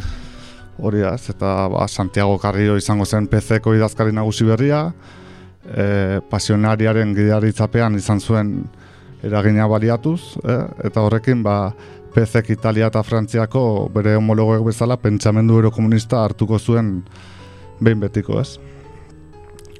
Eta hemen ba, onako galdera ulegok ez, eta zergaitik amaitzen da pasionaria Republika eta Gerra Zibian bere astapenei hain hausarte utzi ziona Santiago Carrioren eraginpean, ez? Ba, zergatik onartu zuen adibidez EPZ-ren suntxipena alderdi iraultza egiza, ez? Ba, horik eh, airean gelditzenen biden galderak dira, ez?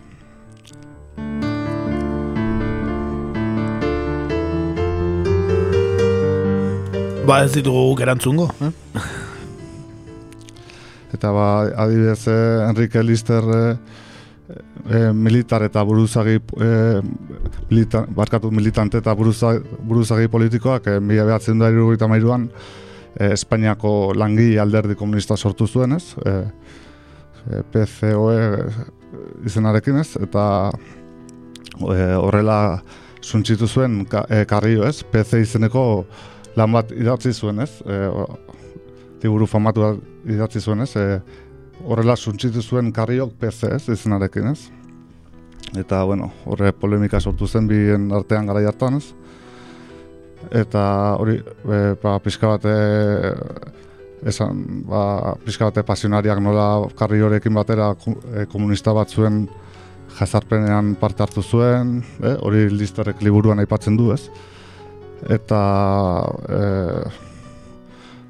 hori e, ba, pixka bat e, egozten dio pasionariari ba, karri horrekin batera ba, e, zakit, alderdi baruko purga horretan eta ba, parte aktiboa ez, hartu izan ez?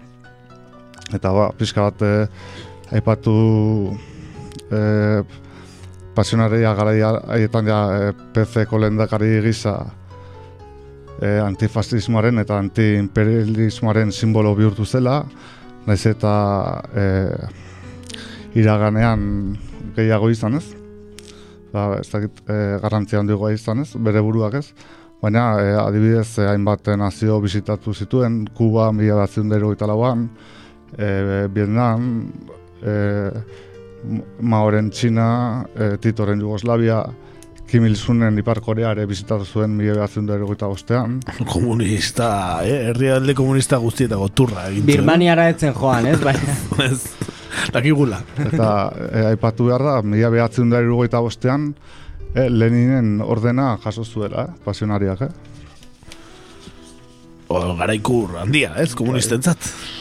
Bai, bai, ba, zakin duk uste dut go- e, garaipu, gara, e, garaikur gorenena izango dela, edo? Segurazki, bai. Garai hartan dudari gabe. Nazioartetik bidaiatu zuen, baina nazioartean ere komunista guztiekin etzen ondo eraman, ez? Batzuekin izan zuen e, gatazka den bat, e, adibidez Enver Hoxha, ez? Albania rarekin.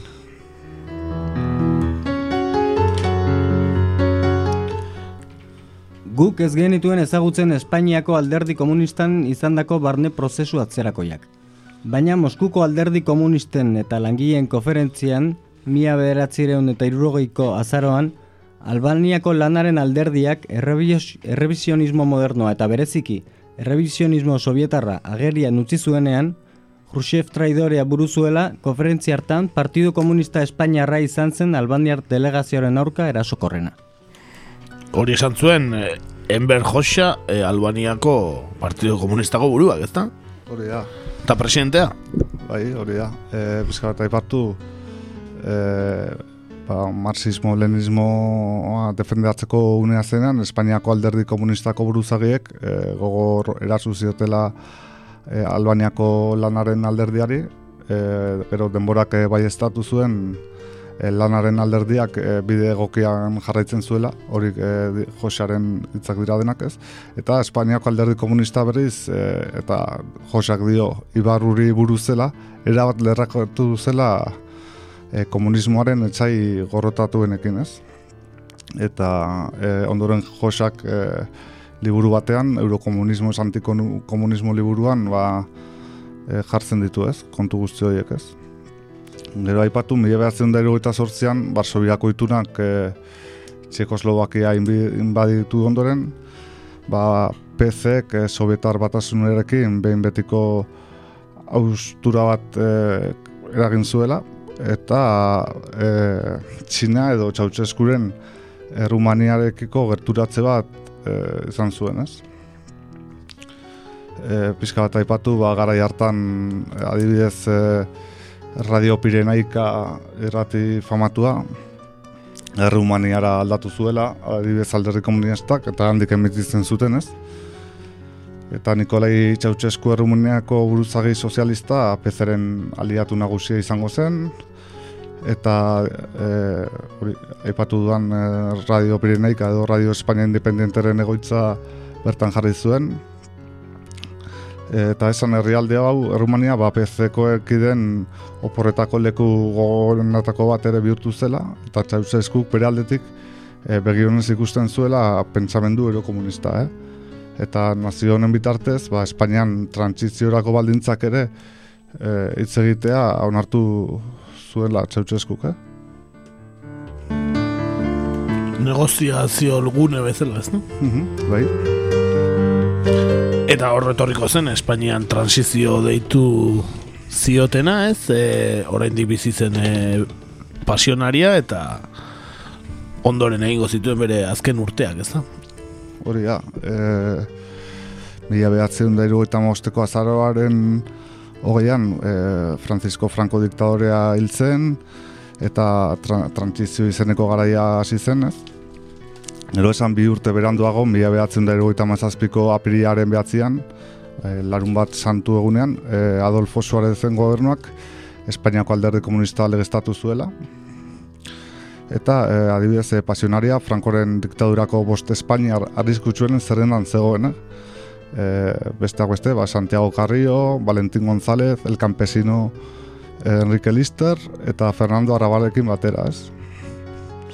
izan dira hori. Sei ez dira izan? Ez, ez, ez, bat goitizena zen, eh? Barkatu, eh? El Campesino. Eh, Hori, El Campesino goitizena zen, eh? e, Valentín González, eh? El Campesino goitizenarekin. Eta esan eh, mila behatzen dairu eta mazazpiko maiatzaren amairuan eh, itzuli zela Espainiara pasionaria. Ba, ode irudiak ez, abioietik geisten eta ez, Hori da. historikoak ez. Bai. Eta mila behatzen dairu eta mazazpiko ekainaren amabostean lehen hauteskunde demokratikoak izan ziren eta bera berriz ere e, diputatu aukeratu zutela ez. Ia, berrogei eta piko urte geroago. Hori ba, Santiago Carrillo berarekin eta edo best, aipatzeko Rafael Alberti eta beste abarrekin batera ez. Eta hala eta guztiz ere adinagatik eh, ez zuen e, ba, e, egun gehiegi bete diputatu bezala ez. Eh, Esan behar da, bere bizitza guztian e, idatzi zuela, elkarrizketak e, ematen eta adibidez eh, azken lan hola handi bezala, mila behatzen da larogeita iruan, Argentinako maiatzeko plazako hemen e, lehendekaria zen Ebe Bonafirekin elkartu zela, ez, e, eta, bueno, ba, gara hartan, ba, e, bere elkartasuna eta adirazi ziren, eta, bar, ez? Eta, ba, mila behatzen da larogeita behatzeko azararen amabian hil zen e, pasionaria, Berlingo arrezia hori eta hiru egunera, eh? bitxia ere. Hori izan zen bere ez, azkeneko eh? estokada, eh? Hori da. eta e, adibidez e, bere ikutsa eraman zutenen artean e, ba, Julio Angita eta be, bueno, garai hartako ba, alderdi komunistako buruzagi guztiak ez. Ia gainbeheran zegoen alderdi komunista, esan diteke, ez da? Bai. Ia, bere bizitzarekin egin zuen, ez? Alderdi komunista gora eta bera dena batera, ez? Hori da, bai, bai, bai. Bueno, e, no, Euskal Herrian edukiko egun pertsona historiko handietako bat, ezta? Dudari gabe, eta askorentzat oso ez ezaguna, ez? Naiz eta os, behar bada ez delako asko lerrokatzen Euskal Herriko kulturalekin zehazki, baino... Ba, edo abertzaletasunarekin. eta- Abertzaletasunarekin, baina dudari gabe pertsonaia historiko oso, oso potolo bat, ez? Bai, me, me, mehatzaldean eh, jaiotakoa, eh, ba, bere gaztaro eta eh, oso gogorra eraman zuena, ez, ikusi dugu, eh, lau bost alaba, bueno, lau alaba gutxienez, eta gero semea Stalingradon ere hil zitzaion, bueno, ba, esan daiteke gaztaro eta bizitza oso gogorra eraman zuela, naiz eta gero, ba, ja behin eh, alderdi komunistako buruzagi bezala, ba, bueno, e, bere diplomazio urteak eta, bueno, nahiko urte onak ere pasako zituen, noski. Hombre, eta Sovietar batasunaren, eh, ez, e, unerik e, gorenenan tan ere han egon zen. Bai, bai, bai, eta esan ez, Stalinen oso gertukoa zela, eh? hori ere batu behar da, eh? oso konfiantzazko, Stalinen ere oso konfiantzazkoa zela, ez? Karri zen bezala, noski.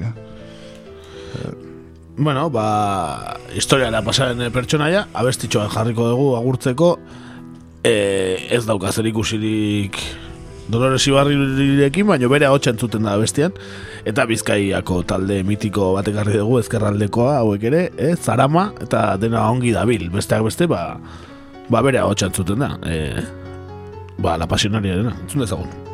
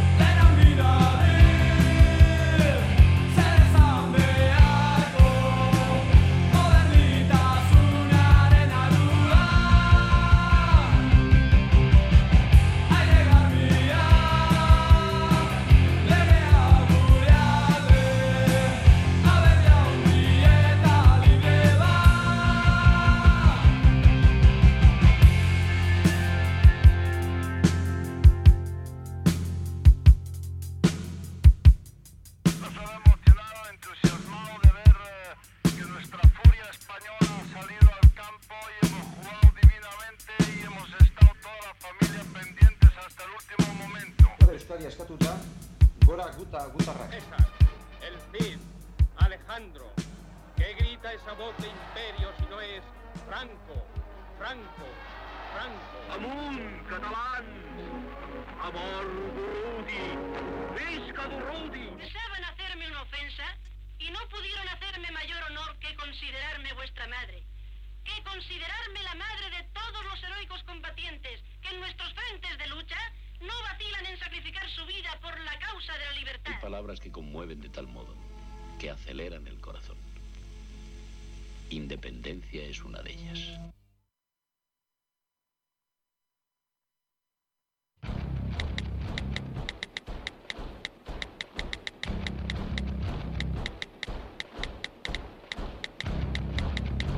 Unser deutsches Volk siegt ein!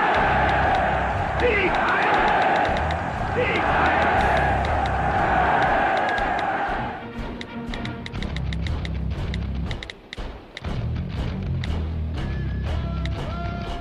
Badatoz SSA.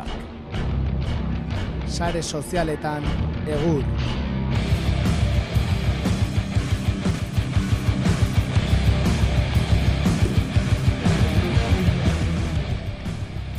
Gaurkoan, sare sozialetan atzo eta gaur gehien hitz egin den gaia tratatuko dugu. Nola ez? Kataluniako hauteskundeak.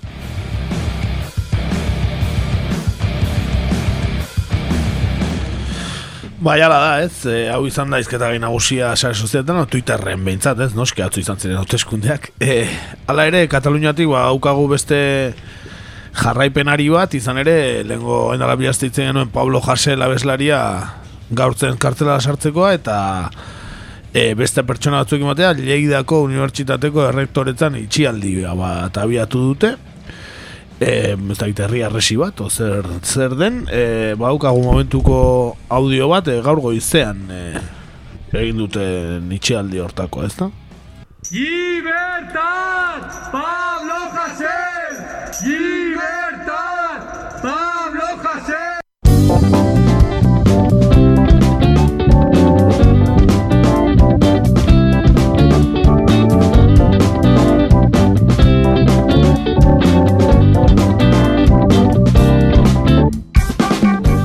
Bueno, eta behitzen ari gara, eta ez, ez dugu aurkitzen e, berririk horri buruz, ez dakigu gehiago Pablo Jasel bertan jarraitzen duen, edo, edo atxilotu duten, beira gaudela, ematen du, oraindik jarraitzen duela, baino ziurtasun oso ezin, ezin esan. Baino, ala dirudi. Ez berreun pertsonak edo lagundu diotela dirudi, e, han daude, ez dakit, e, ikusten da, entzun ditugun oiu hoietan e, ikusten da bideo bat da, ikusten da kate bat ez, zerraura batekin eta hola, ate bat biltzen eta bar, ez dakigu zehazki nun dauden, baina bueno, bai, horre txialdia egiten ari da. Unibertsitatean... Bai, hori da, Lleidako unibertsitateko errektoretzan. Baina, ez dakigu, eske ikusten dan bideoan, ematen du armario bat emarru non daikela, ez dakit, arraroa bo xamarra. Berreun pertsona zaila izango da baina. Armario handia izan behar.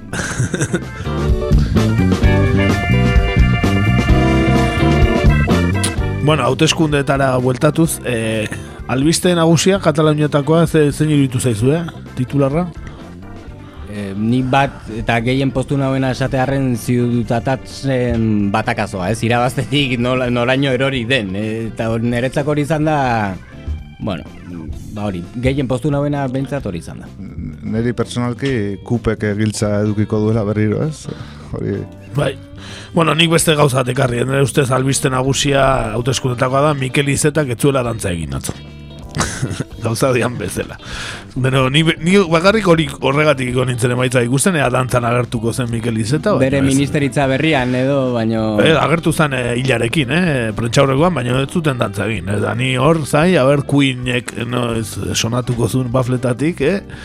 baina ez, ez zuen. Eh, Behar bada hilaren zurruntasunak edo kutsatuko zuen eta eta muzin egin Bai, zion dantza egiteko. behin ja ministro izan da igual dantza egitea ere ez dakit oso, ez? E, itxura honekoa da, ez dakit.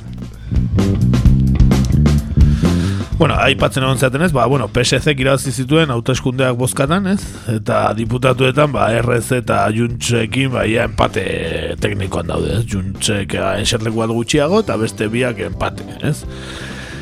E, ala ere, esan independentismoa ba, gora induela, bozkatan ez, baina eguneko berroeta marreko langa gainditu dela lehen aldiz, ezta? Eta kupe, kupena izan dela hor igoera agian nabarmenena, ez? E, alderdi independentistetan, eta giltza agian kupe daukala. E, orduan, e, PSC irabazletzat eman du PSC bere burua eta hilak, baino ez du ematen gobernuatuko dutenik, ez da? Beraz, agian horregatik Mikel Izetak ez du dantza egin, horregatik utzi digu titularra, hau ez da atzoko, baina ez zut ezagun beti dago ondo eta Izeta entzutea. Visca, visca, visca, Catalunya socialista! Hortxe, sozialista, eh? Katalunia, oso sozialista Mikel Izetarekin. Batez ere dantzagarria. Bueno, eh, esan bezala, beste albiste bat, eh, nabarmendu dezuena, ziutadazen eh, zaplastekoa, eh? Hogeita masei zen lukutik seira pasada, ia, desagertzeko, ez, eh, zorian, Eta esan dugu bezala sare sozialetan oi hartzun handi auki dute uteskundak eta bidez Don Michel erregea ez mitikoa e, sekzio honetan. Oso handia, Bai. bide batez esan. Ba, ala idatzi zuratzo. Ciudadanos nos ha dado una gran lección en medio de la pandemia. No juntarse más de cuatro. Horrela izan zan, ez da. Justu, justu juntau dio lau baino gehiago. E, Ciudadanosen oraingoan.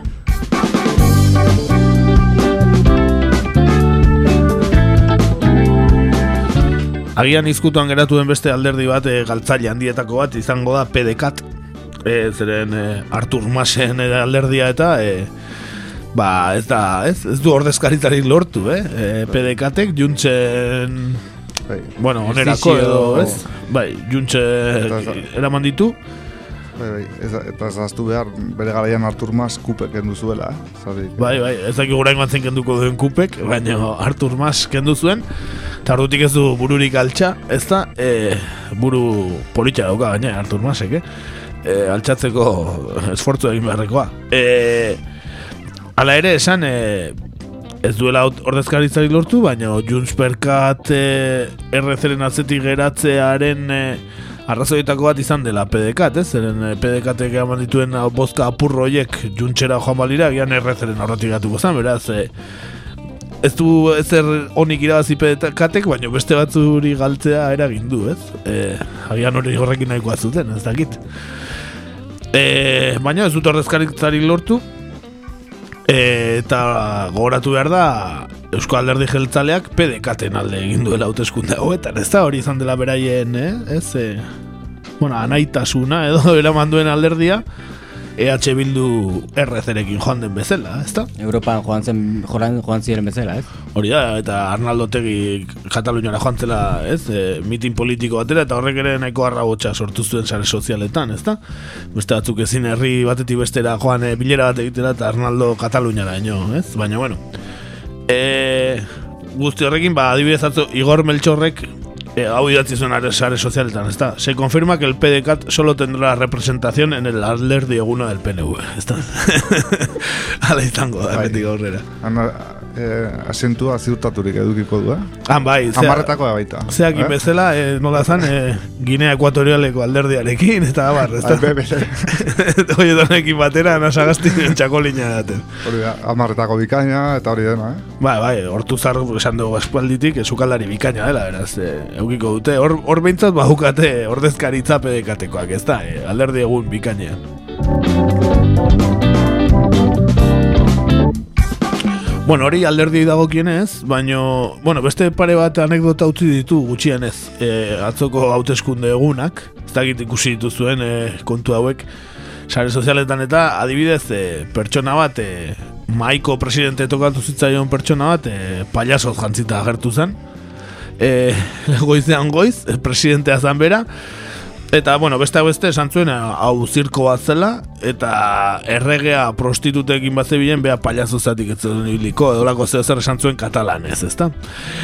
Ez hortan, gainera etzan hortan geratu bakarrik, izan ere mosoek ez zioten alkohol eta droga testa egingo ziotela, horrela gertzeagatik, Eta bera, arazorik ez zeukela, eta egiteko lasai esan eta ondoren mozoek esan zuen, bueno, igual hau tipo serio, dijo, eta ez dago mozkortuta, eta hau pasaz eta drogatuta, ordu netzioten egin ere egin, eta han egon mailean e, presidente modura, e, payasos jantzita eta gainea malabarak egiten, eta horrela pasatzen eguna. Benetan, ikusgarria. Hori anekdotatako bat, e, saiatu aurkitzen sare sozialetan parre batzu botako dituzue. Hori maskaria eta guzti pentsatzen dut, ez? Maskaria gehiegi ikusi maskaria. beste- Gero, beste kontua izan zen hori, ez? Bastante... Hoi hartu neukizula epiak izango zituzten maietako, ez? Epi jantzi hauek, ez da? E, ba, bueno, Oso koronavirus garai hauetan, eta ez da? Bueno, ba, pertsona bat, e, sabadelen agertu zen epi eta blaseko epiz jantzita. Hori. Nik ura bozkatuko nuke, iritsi maire eta esan zu. zuretzat, zuretzat, bai. Bueno, goratu behar da, bai, azte buru hau eta inauteria diala, eh, bai, episkat igual izango du horrekin ere erlazioa, eh, naiz eta, bueno, gogoa behar da, eh, autoeskunde eh, maira horrela inguratzeko, ezta? Bueno, ba, horrelako bi, agian egon gozian gehiago, baina bi horiek, eh, ba, guk eh, jakin ditugunak, ezta? Eh, zirkoarena, eh, pailazoarena bikaina, eh? Bozkatzea junda bitarte malabare batzuk egiten dizkizu, magia trukoren bat, eta eh, atxera kontentu. Horlako gehiago behar ditugu igual, eh? Hauteskundea galaitzeko. Ba, hoxe, ez da gizu, gehiago ikusi zuen Katalunian arira, nahiko, bueno, Bueno, denet, denetik ikusi dugu ez Kataluniaren arira, baina gomendagarriena zuk jada esan duzu dudari gabe. Bai, bai, esan bai, egia esan eh, luze joko du oraindik ere Kataluniako kontuak ez dakit, eh, hauteskunde ezer konpondu duten, baina bueno, ikusiko dugu. Ba, hoxe, gaurkoz e, geneukan guztia, e, abesti batekin agurtuko dugu, ba, inbeste mandegu Galindo eta gorriak eta bar, ba, negu gorriak abestiatik harri deula. Kasu honetan, Katalunia zer hitz egiten duena, idai, ideien kontrabandoa eta independentzia eta barra aipatzen ditu, beraz, bueno, e, badator arira, ez, abestia. Beraz, abesti horrekin e, agurtuko zaituztugu eta ea, datorren astean hemen gauden. A ber, eh, espero du baiet? Bai, baina orain gorritik atera gara, jaz gain gorriak urretxu zu eh? Beraz, eh, errexea, guain naranjan gaude, ziudadanosekoak bezala, ez da? En decadencia. Hori da, era bat. Bueno, ba, hoxe, datorren astera arte ondo izan. Aio. Astena pasa.